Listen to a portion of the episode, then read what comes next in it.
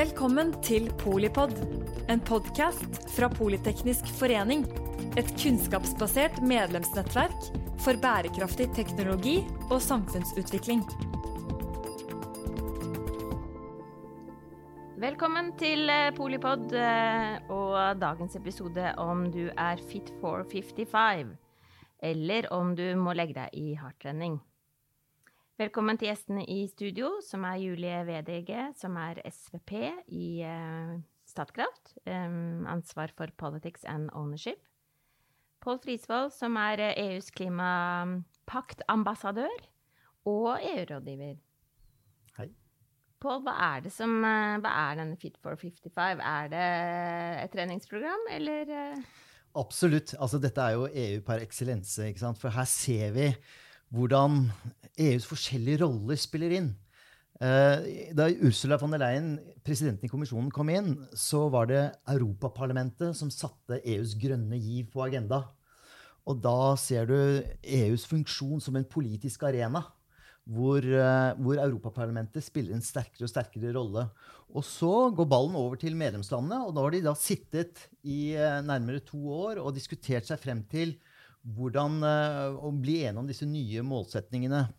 Og da er det over til det som EU er, et forvaltningsnivå, hvor kommisjonen da klekker ut, eller produserer forslag til hvordan disse nye målene Altså at vi skal nå minst 55% klimagassutslippsreduksjoner innen 2030.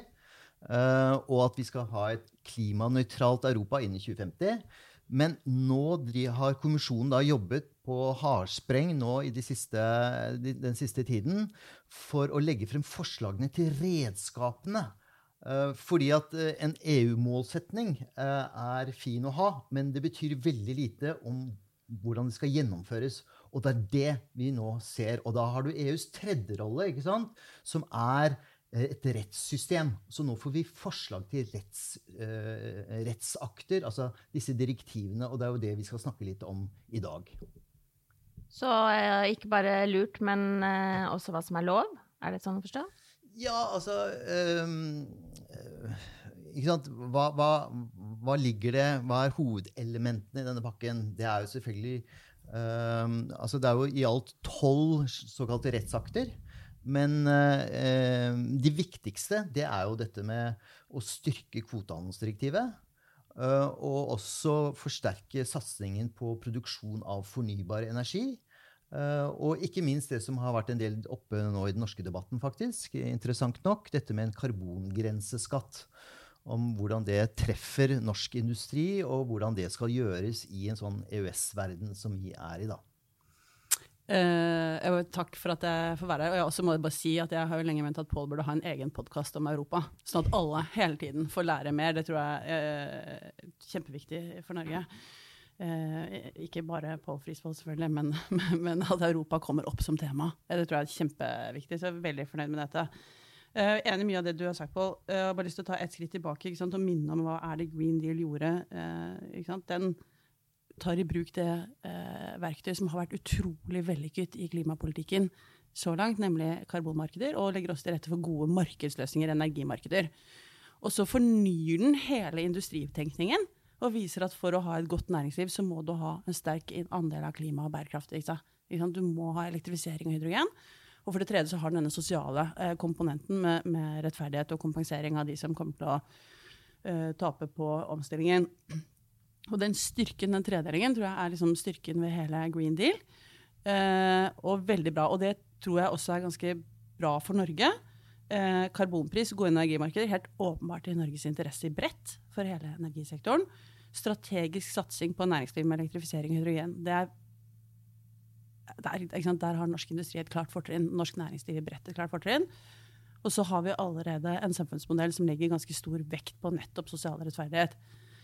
Um, så uh, jeg vil si at EU har på en måte hevet ambisjonsnivået på klima. Det er bra for Norge, og det har på mange måter gitt et signal til norsk eksport. Vi vil ha mer av det dere egentlig er gode på.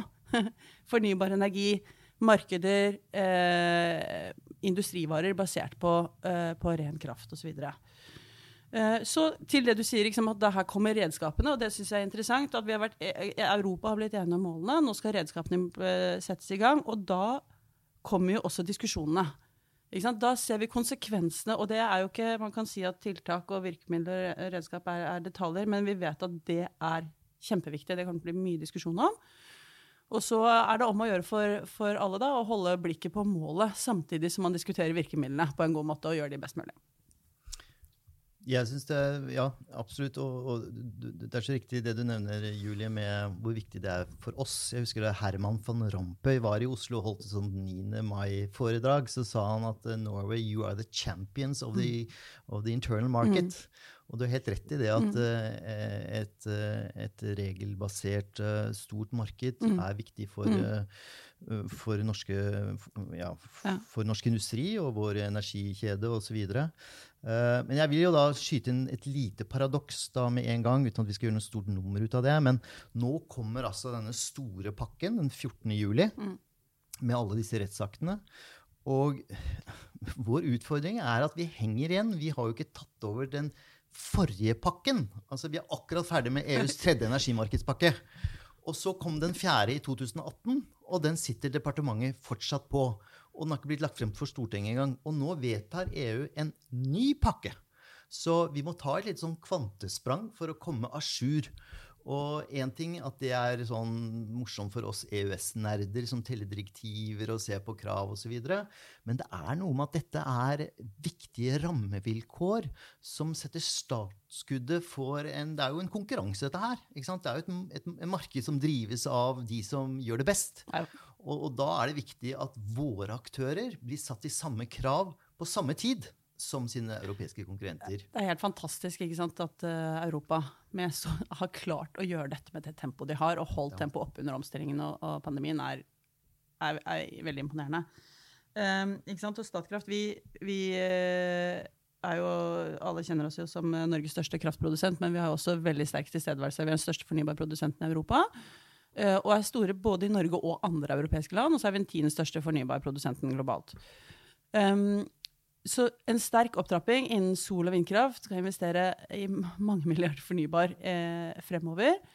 Eh, og vi har også sterk satsing på type grønne forretningsløsninger, eh, som eh, hydrogen, grønt hydrogen, eh, biodrivstoff, elektrifisering, tilrettelegging for grønn industri. Altså alt dette i tillegg til de nordiske vannkraftinvesteringene våre.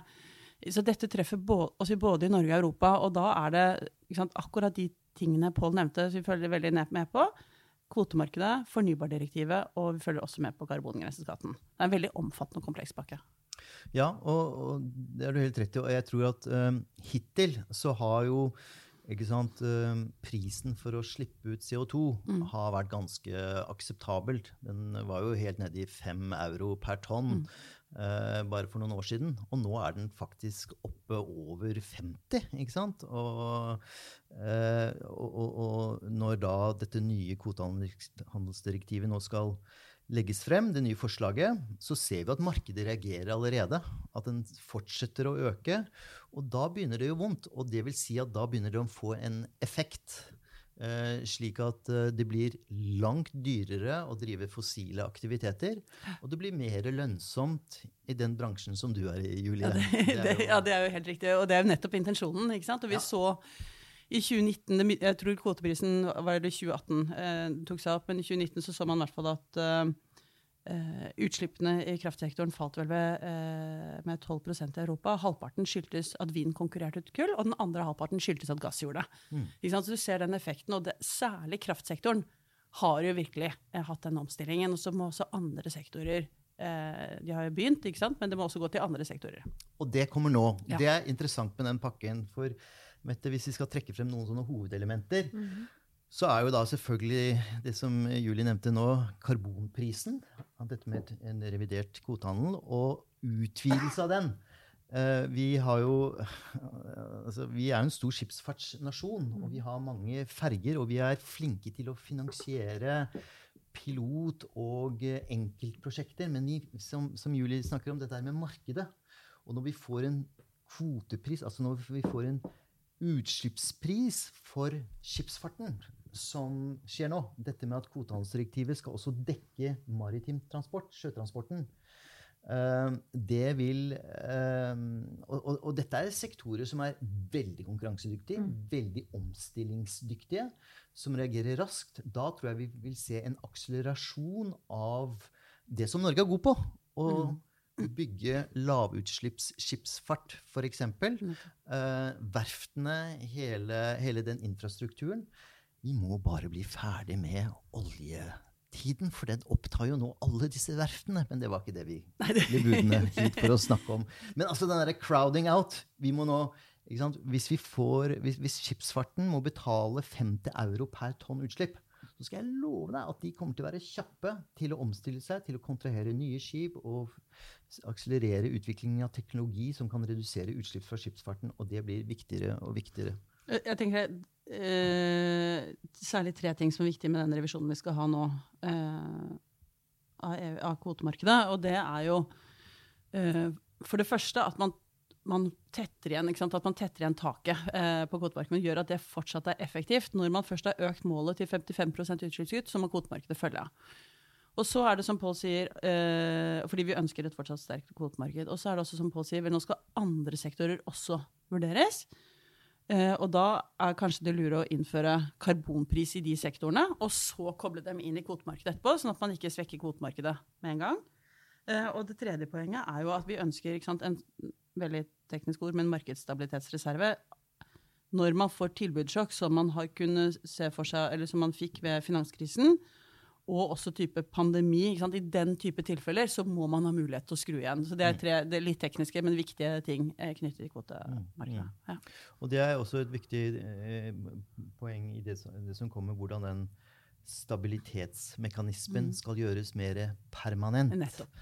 Uh, for nettopp at uh, når, når etterspørselen synker, så skal man klare å justere systemet slik at prisnivået opprettholdes.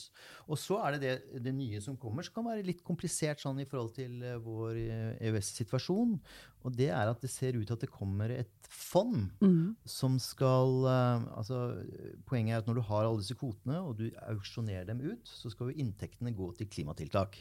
Det, det, den direkte vinklingen der har vi ikke i Norge, men det har vi i en del EU-land. Og nå ønsker de å forsterke denne mekanismen, og at inntektene fra å selge disse kvotene skal betales inn til, et fond som skal distribueres til lavinntekts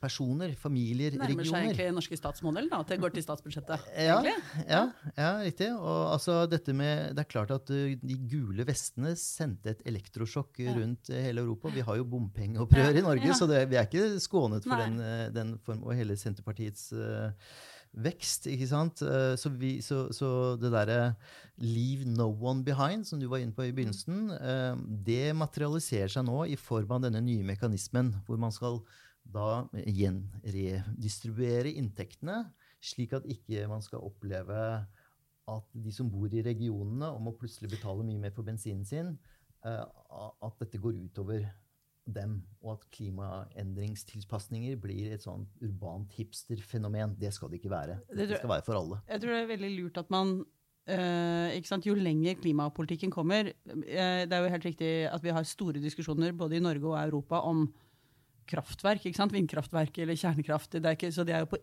ingen altså Det er jo et veldig politisert felt. Men samtidig, jo lenger klimapolitikken kommer, så kan man si at ja, nå så kommer det nærmere enkeltindividets liv. ikke sant? Du kommer nærmere arbeidet ditt, eh, jobben din eh, skal omstilles, huset ditt, bilen din. Eh, så jo nærmere du kommer, jo mer obs må vi være på dette, og jo bedre mekanismer må vi ha akkurat for det. Eh, mm. ja. Men um, Julie, jeg har lyst til å uh, kaste ballen litt til deg. For mm. den andre hovedelementet i denne pakken, ja. Ja. det er jo det såkalte fornybardirektivet. Og jeg husker jo som har vært lenge i dette gamet, når, når EU foreslo 20 um, uh, fornybar mm. energikonsum innen 2020. Uh, og de lå vel på 4-5 eller noe, tenker jeg. I 2009 så var det mange som sa at dette her kommer EU aldri til å klare. Uh, og nå um, skal de da gå fra 32% fornybar fornybart i 2030 til 38 eller 40, det blir spennende å se hva ja. det blir, ja. i 2030. Um, og, og, solindustrien og miljøorganisasjoner selvfølgelig, de ber om 45 til 50. De tror at det er, mm. det er mulighet. Um, så da blir det ikke sant, Det ene jeg har lyst til å spørre deg om um, Kan de klare det? Og det andre er hva gjør det med vår det som ofte blir trukket frem som er vår konkurransefordel? At vi er jo så fornybar. Ja hvis de andre landene også faktisk begynner å puste oss i nakken. Nei, nå var det mye moro å snakke om, altså. selv, om, selv, om, vi ligger jo langt foran. Uh, jeg tenker sånn, Kan vi klare det? Helt åpenbart. Uh, for det første, jeg har lyst til å si, så langt så tyder vel lekkasjene på at det blir et fornybarmål på europeisk nivå. Ikke sant? Det er veldig bra. Ikke, eh, ikke uh, landspesifikt, som ikke det var sant? i 2020? Nettopp. Ja, okay. Jeg tror jeg. Uh, ja. Dette formoder jeg egentlig at, hvis, at, du vet mer om enn meg, men, men tror, det tror jeg er vårt inntrykk. Men vi får se hva som kommer. Um, men det, syns, det, det, er veldig positivt. Uh, og så er det sånn at Europa klarte jo 2020 kjempefint. Eller 2020 er veldig bra. Mm. Ikke sant? Um, og det skyldtes selvfølgelig politikken eh, og klare mål. Og så skyldtes det også eh, en helt ekstrem markedsutvikling innen fornybar, hvor man ser sterkt fallende kostnader som raste av gårde innen sol og vind. Eh, som har blitt veldig konkurransedyktige teknologier. Og vi, vi ser sågar at i enkelte steder så kan ny fornybar konkurrere ut eksisterende fossil. Sånn det, en, eh, det, har jo vært den store game changeren, eh, selvfølgelig. Så om de klarer det Vi tenker jo at det eh, kan de klare, at markedene kommer nå til å trekke veldig veldig mye av dette. Uh, og, og, spørsmålet om kan energisystemet klare det? Ja, det klarer det. Ja, vi tror de klarer sånn Teknisk sett så bør det klare Våre siste analyser var vel et eller annet sted mellom, 90, mellom 80 og 90 andel fornybar i kraftsektoren. Så dette er jo mulig å få til. Um, og så, jo, så, er det også egne øh, øh, mål for havvind og hydrogen. Vi kan komme tilbake til det, for det er jo på en måte noen øh, mer umodne teknologier. Det er jo Mesteparten av havvind en moden teknologi, men det er noen umodne teknologier som kanskje trenger ekstra bistand. Men, men, det er veldig spennende, Julie. Ja, men, hoppe, å, ja. ja, men jeg bare har lyst til å utfordre deg på det. Ja. fordi at det betyr at fornybardirektivet nå blir ganske annerledes enn det de var. Hvis de går inn på sektorspesifikke områder, gjør det ikke det? Ja, men altså eh, kan, ja, det, ja, det, gjør det. Det har du rett i. Men kan jeg bare kan jeg, Unnskyld at jeg ikke plukker det, men hoppe tilbake til um, siste Hva gjør det med Norge? Um, og da er det jo litt sånn uh, Mister Norge konkurransekraften sin? Uh, jeg har lyst til å si uh, Det er i hvert fall et relevant tema, men den fordelen vi har, Pål, er jo at vi har nå allerede en ja. fornybar kraftsektor. Mm. Uh, slik at vi allerede var, vi er der de andre landene kommer. Vår, hvem er det som sa det litt sånn klisjéfullt, men godt? Vår nåtid er deres fremtid. Mm. Og det vinduet vi har der, det kan vi virkelig utnytte. Mm. Ikke sant? Mm. Og skape både industriløsninger, som vi vet de andre vil etterspørre, og på den måten uh, og også uh, skape produksjon som de andre etterspørre, og på den måten legge til rette for, for god eksport. Og så er det jo selvfølgelig en siste ting vi har, og det er at vi har fleksibiliteten i vannkraften. Som gjør at dette er et, et mye mer sikrere, mer effektivt, rimeligere system. Sant? norske vannkraften er, er, jo på en måte Hvis ikke du kunne altså, Skulle ønske alle land kunne ha den. ja. Unnskyld. Men tilbake til sektorspesifikke. Hva tenker du om det, Pål? Ja, nei, altså, for, Som jeg som har fulgt denne lovgivningen lenge altså Fornybardirektivet er jo uh, mye mer komplekst mm. og stort og omfattende enn det man tror. Ja. Og Det er jo derfor også det tar tid når vi skal få dette gjennom EØS-kverna og inn i norsk lovgivning. Ja. Det ser vi, Så det er ikke noe enkelt jobb departementet har. Men uh, gud hjelpe meg og, og dårlig tid de begynner å få. Uh, men poenget er at uh, den nye revisjonen som kommer nå, altså den siste kom i 2018, og nå kommer det en ny revisjon, der ser vi fra det som da er såkalt lekket, at man skal se på produksjon av fornybart innenfor sektorer Havvind er én ting. Og da er det spørsmål vil de da komme med noen delmål. Uh, og også se på hvordan man skal integrere denne produksjonen fra forskjellige land. Det blir veldig viktig for oss. Og det andre er da grønn hydrogen. Og det, det er jo ditt felt, mm. Julie. Ja. Um, begge dit, vi er jo inne i havvind, og så er vi inne i sterkt altså Vi har veldig mange grønn hydrogenprosjekter eh, på trappene i Norge. sånn at vi, dette er ting vi følger tett. Og jeg tror at på havvind så er jo kanskje eh, det mest sentrale eh, Der har jo Europa satt seg veldig høye mål, både for 2030 og 2050. Men her er det utrolig viktig å få til en koordinert utvikling. ikke sant? Fordi infrastruktur er alltid viktig for eh, fornybar energi. Eh, det sånn, så, så, det er alltid viktig, men særlig for havvind. Å få til en koordinert utvikling for Nordsjøen er jo utrolig viktig for å få lønnsom utvikling der. Eh, så det er jo ting vi kommer til å følge veldig nøye med på. Og det andre er jo når du snakker om grønt hydrogen, hvor Europa også har satt seg høye mål. Både mål for 2024 allerede, men også mål for 2030.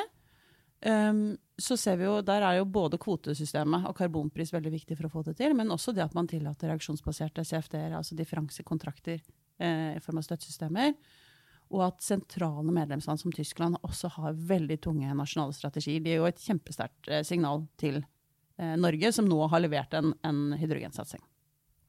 Ja. Da er det to, to, ting. Det første er dette med um, Skal man kunne produsere hydrogen fra eksisterende fornybar produksjon? Eller skal det settes mål om at uh, det skal ikke tære på den energien som skal brukes til energisektoren? Men da skal det være dette med addisjonalitet, om at det er kun den ekstra fornybare produksjonen som skal kunne brukes til denne grønne, dette grønne hydrogenet. Og, nettopp. Og det er jo akkurat det på, som vi snakket om. Når redskapene og virkemidlene kommer, så er det utrolig viktig å få de riktige. Ja. Og Foreløpig så er det sånn at for hydrogen, særlig altså i transportsektoren, da, så, kreves, så, EU, så tyder lekkasjene på at de går for å kreve addisjonalitet. Uh, og så er vi engstelige for at det vil ha en spillover-effekt for industri. Og for Norge, som, har, eh, som er et annerledesland med, land med allerede veldig høy fornybarandel på nettet, så er det helt åpenbart liksom, meningsløst uh, slash uhensiktsmessig å sette krav om addisjonalitet. Utrolig godt egnet for å lage grønt hydrogen. Man kan forstå det, at du har et nett som er uh, 30% eller 25% fornybart. at du tenker at ja, er det ren er dette rent nok til å kvalifisere som grønt hydrogen. Men vi lager jo nett og ikke eh, eh, altså For det første så er det jo helt utrolig økonomisk uhensiktsmessig å, å, ikke bruke kraftmarkedet og nettet til å lage grønt hydrogen. Eh, og for det andre er åpenbart eh, grønt hydrogen produsert fra nett i Norge grønt. Eh, og for det tredje så ønsker man jo også i Europa å lage sentraliserte nett. Det er grunnen til at man gjør det, er jo at det er en effektiv måte å organisere kraftsystemet sitt på.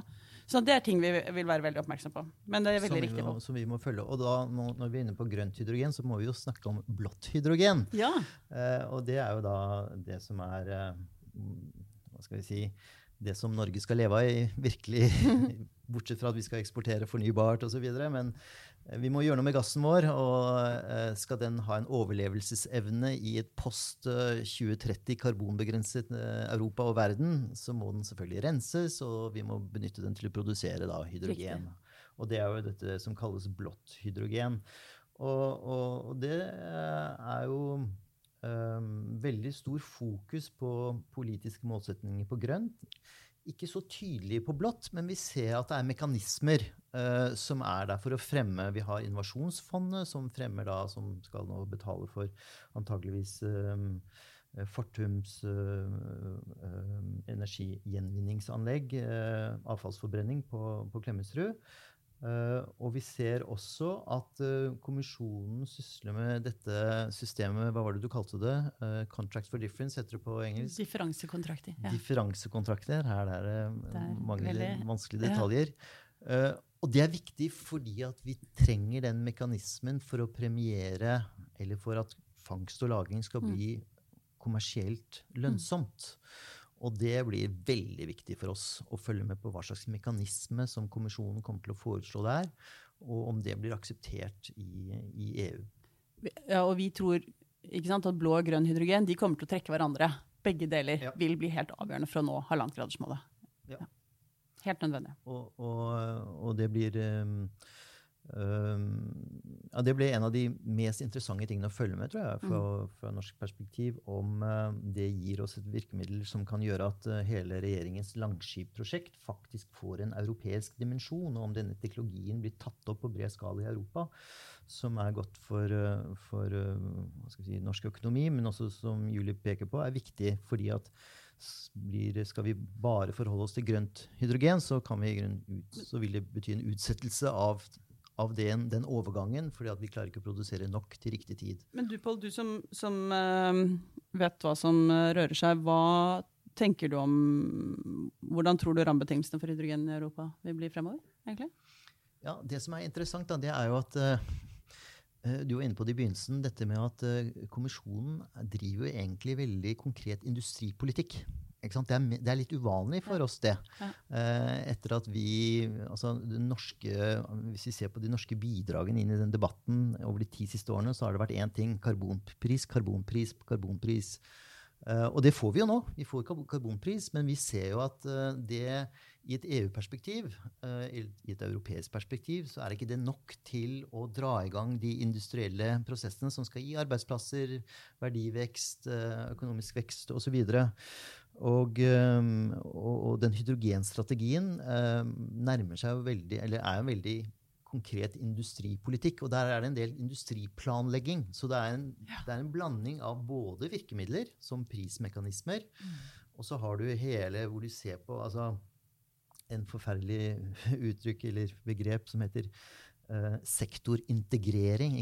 Du har alle disse forskjellige energibærerne som mm. skal nå inn i samme system for å drive denne utviklingen. Og det er mye nuts and bolts. Altså. Det er jo på en måte fra molekyl til elektron. altså Elektrifiseringen ja. er selve sektorintegreringen. ikke sant? Og ja. det er jo eh, Og her mener jeg bare huske på Norge har en kjempefortrinn. Vi forstår det kraftmarkedet. Vi har handlet med kraft i, i tiår. Det er et, uh, dette er veldig bra. Mm, mm. Så skal vi ta den siste delen på, som er morsom. Den er spennende. Nå kommer finalen, Mette. Ikke sant? Den store norske Nå har vi varmet opp og er egentlig eh, klare for uh, konkurransen. Sebam, sebam. Ikke sant? Lukt deg opp. Eller ikke. Eller ikke. altså, hva Vi er en uh, energinasjon. Vi har en fersk energimelding selv, som ikke bare er en energimelding, men som kalles en energi- og industrimelding fra mhm. Olje- og energidepartementet. Energi for arbeid, heter den. Um, men, altså, og dere er veldig enige om at vi er veldig godt posisjonert osv. Men jeg må utfordre litt. Er vi litt sånn uh, typisk norsk å være god? Og ser vi Romerrikets fall her ved at vi liksom uh, hviler litt på laurbærene? Eller ser dere at vi uh, faktisk når Kan løpe først i konkurransen? Hvilke ambisjoner burde vi ha, og hva tenker dere som for nasjonen? Eh, vil være viktig å, å legge seg litt i uh, selen på. Ja. Um, jeg, jeg, jeg, dette syns jeg jo er på en måte Det er jo den store liksom, sluttdiskusjonen, på en måte, hva uh, tenker jeg, ikke sant? Hva bør vi uh, gjøre fra norsk side for å gjøre det enda bedre? For det er jo selvfølgelig liksom hvor mange stortingsmeldinger har ikke begynt med at Norge er et unikt utgangspunkt? Det er jo mm. det jeg også sitter her og sier. Uh, så jeg, det er et kjempeviktig spørsmål. Men jeg bare lurer på om vi skal ta en akkurat karbongrenseskatt-diskusjonen. Uh, fordi det spørsmålet du stiller, gjelder egentlig hele er jo veldig viktig for hele Fit for 55. Så har jeg så lyst til å Det har jo den siste tiden vært veldig mange morsomme, spennende diskusjoner om karbongrenseskatt, som jo har noen sider eh, ved seg som, som, gjør det til et veldig sånn interessant, kanskje enda bredere samfunnsdiskusjon, fordi den har denne geopolitiske, store, internasjonale aspektet også. Mm. Eh, så jeg bare lurer på eh, Hvis vi bare kan være litt der eh, først hva, Karbongrenseskatt er jo på mange måter et veldig effektivt og nødvendig virkemiddel for å hindre både karbonimport og lekkasje. som er helt avgjørende dersom du skal få til et nullutslippssamfunn. Og den er kjempeviktig for norsk uh, industri også. Karbonflukt og investeringsflukt. Ja, ikke sant? Mm. Mm. Du, hva tenker du om karbongrenseskatten? på? Ja, nei, altså, Hvis vi starter globalt, ja. Så er jo dette et uh, fantastisk initiativ som mange, kanskje først og fremst miljøbevegelsen, men også de store landene som har mye industri, som har sett at uh, industrien har flyktet ut til uh, regioner og land uten klimatiltak. Mm. Og da eksporterer vi teknologiutvikling, arbeidsplasser, verdiskapning, og så kjøper vi tilbake de produktene hvor vi selv har et uh, klimaregime uh, som gjør produksjonen ikke konkurransedyktig. Og den situasjonen uh, skal de nå ta tak i. Slik at du skal ikke lenger kunne kjøpe et produkt eller en råvare fra et land som ikke har et klimatiltak, uten å justere for det som er karbonprisen. Og derfor så heter det da Det lange ordet er karbonjusteringsgrensetiltak-mekanisme. Ikke karbonpall. Uh, og, en uh, samfunnsøkonoms våte drøm. Ikke sant. Ja, ja, ja, og det er både komplekst og kontroversielt. Det er komplekst fordi at uh, da begynner man å se virkelig på hvordan disse markedene fungerer. Uh, og også hvilke tiltak som skal gjøres. Uh, hvordan skal du faktisk betale for den forskjellen? Mm. Um, hvis du importerer en bil fra et land som ikke har um, klimatiltak, så må du da betale prisen på bilen, men du må også betale for den uh, karbon, det karbonutslippet som produksjonen av den bilen har resultert i. Og prinsippet er jo at det samme skal skje når du eksporterer bilen til det landet som ikke har karbontiltak, at så skal du få det igjen, slik at uh, våre varer skal være konkurransedyktige. Så prinsippet er uh, interessant og veldig treffende. Uh, og også vil jeg kanskje skyte inn en liten parentes at dette er jo sånn Europe is back. Altså ikke US is back, men ikke, ikke Europe first, men Europe is back. Og det er en helt ny på en måte politisk eh, selvtillit. Gjør i hvert fall alle statsvitere veldig lykkelige. Ja, ja, det gjør det at nå skal liksom Europa eh, sette mer krav, ja. og ikke bare være eh, et land som følger de multilaterale spillereglene og er snill og åpen og fair mot alle, men nå skal vi også sette Jeg tror ikke dette har skjedd hvis ikke Trump hadde eh, skutt fra hoftene for uh, fire år siden, så da kanskje han har gått litt i, veien for, i, i bresjen for denne nye tenkningen.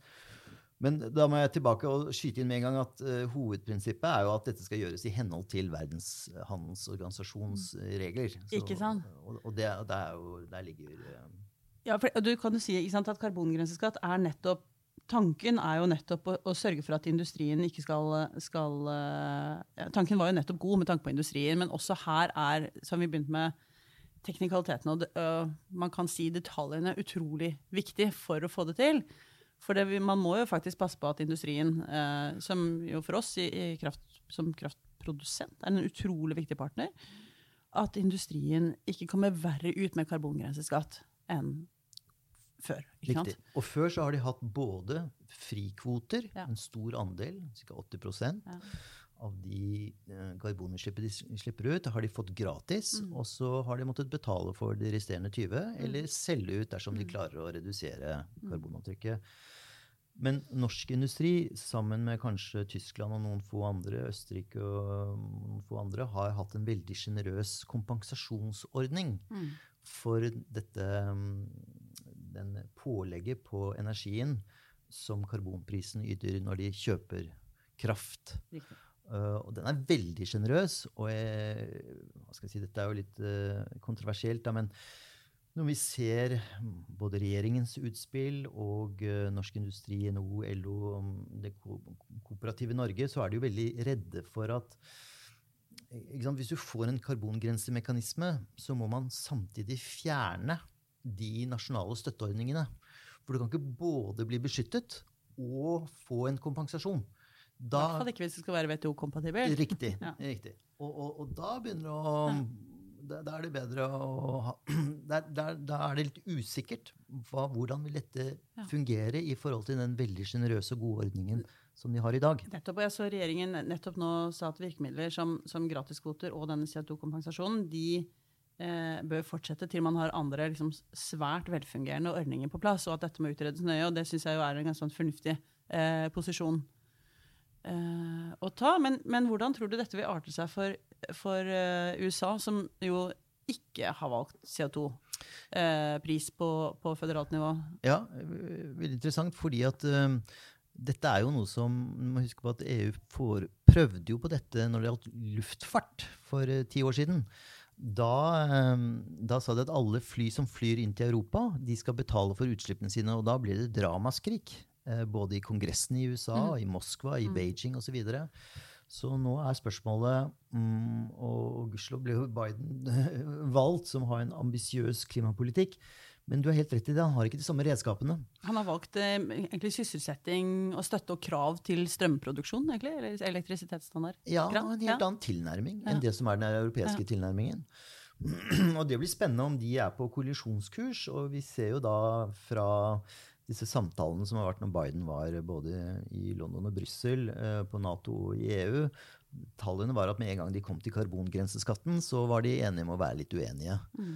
Eh, og da blir det spørsmål om eh, Og derfor denne ideen om å lage en klubb liksom for OECD-landene, de vestlig industrialiserte landene, at de skal lage en sånn karbonklubb sammen for at mm. dette skal dekke et bredere Nettopp.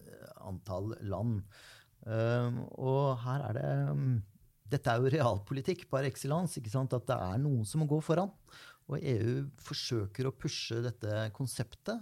For de ønsker jo ikke å blokkere noen andre unna, men de ønsker å være en, en driver som får med seg andre. Og etter at, etter at EU foreslo et klimanøytralt eh, Europa innen 2050, så kom Korea, så kom mm. Japan, så kom Kina til og med. Asia har hatt en utro, eh, på karbonpris en veldig eh, oppsving. Ja. Og, og, og, Kina, om enn ganske avgrenset men foreløpig, men det blir veldig interessant å følge. Ja.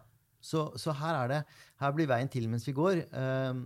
EU eh, signaliserer veldig klart ja. at dette vil de gjøre. Ursula von der Leyen har sagt det i World Economic Forum i Davos og i mm. G7 og G20. Hun repeterer det hele tiden for at alle skal være klar over at dette kommer.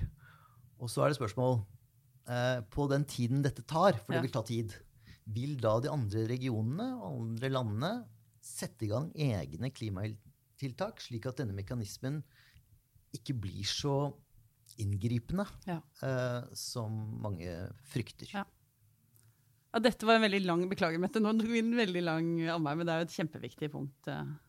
Altså, dere jeg har vært innom eh, karbonklubben gjennom karbonprising. Jeg har vært gjennom fornybar energi. Jeg har vært gjennom egentlig kvotehandel. Det er tre av tolv i denne pakka. Mm. Mulig vi skal ta de ni andre i neste episode. men, eh, men, det er allikevel eh, spennende å høre hva dere tror om ambisjonsnivået, og om, eh, om, vi faktisk er i stand til, både som Norge og Europa, i å ta konkurransen, enten det er med USA og, og Kina eller, eller, hele Asia. Og i så fall litt sånn personlig rundt hva som kreves av oss for å legge oss eh, i den eh, treningsleiren som, uh, som, kreves når konkurransen uh, skjerper seg, da? Altså, min, Som jeg startet med, jeg tenker at Norge, enn hvor klisjéfylt det høres ut, jeg tenker at vi er kjempegodt posisjonert i dette. Jeg tror Vi har sterk, lang, veldig gode miljøer innen fornybar og kraftproduksjon.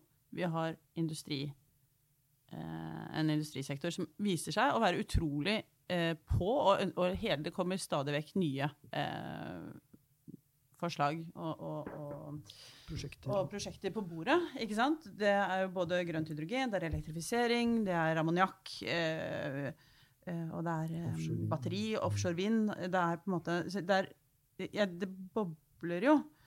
Um, og, så, og, så, er det samtidig sånn uh, hva er utfordringene for Norge? Det, for det første så må vi jo alle det høres utrolig banalt ut. Vi må forstå og følge den utrolig omfattende regelverksutviklingen i Brussel. Og, og det, høres ut, det, høres veldig enkelt ut, men det er det ikke. Uh, for det er som Pål sier, kjempekomplekst. Eh, og så er det også sånn at vi må eh, evne å Ja. Det er det første. Og det andre er at vi må klare å påvirke det rammeverket. Jeg tenker nettopp styrking av kvotemarkedet, definisjonen av addisjonalitet som vi nevnte her, koordinering av infrastruktur på havvind. Hva er i Norges interesser? Samle oss om det.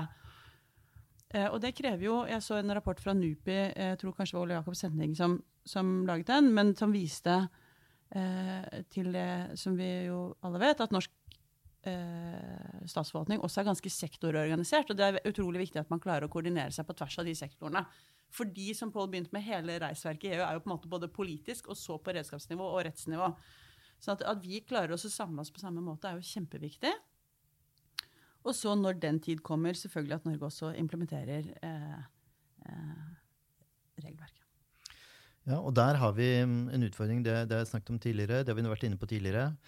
Eh, det, det, er to ting som bekymrer meg litt. Jeg, jeg er helt enig, og den, jeg hører den, den, si, den historiefortellingen om at vi er, vi er best i klassen når det gjelder å være godt skodd i å bidra i denne utviklingen.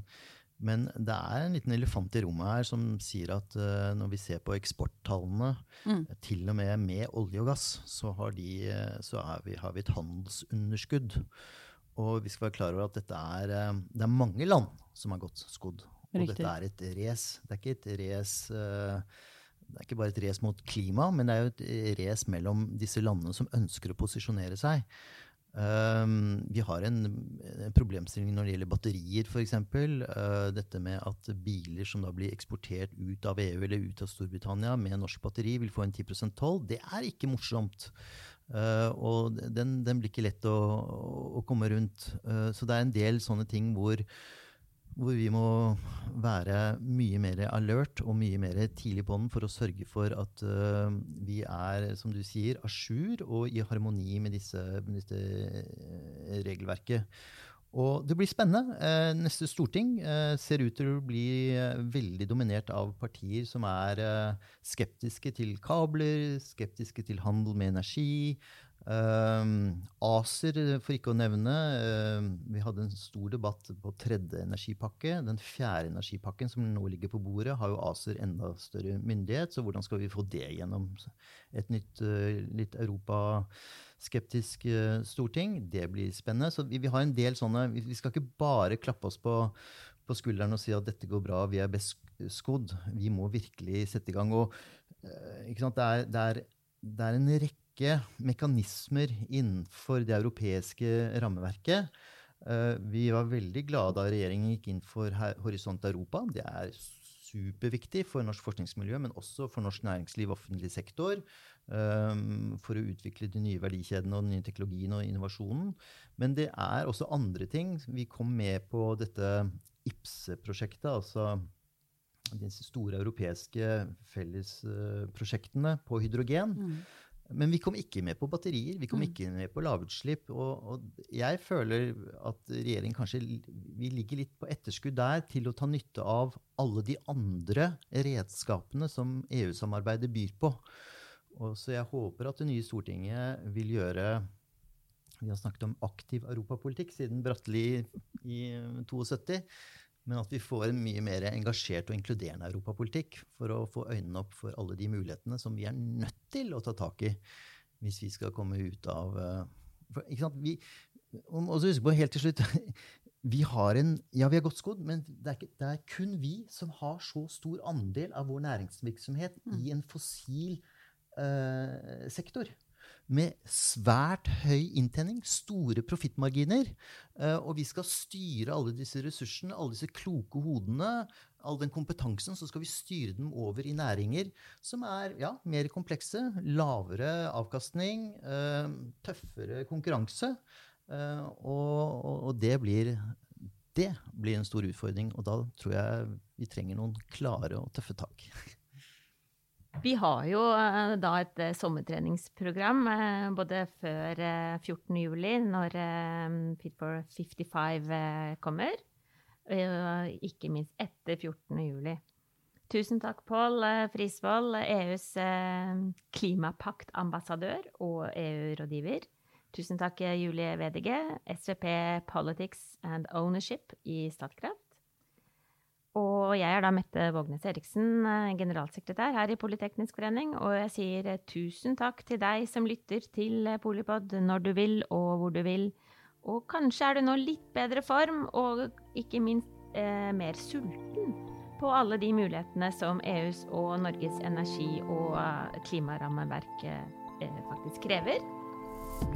Takk for at du lyttet til Polipod fra Politeknisk forening. Få med deg flere episoder, eller bli med på nettverksmøtene som du finner på at polyteknisk.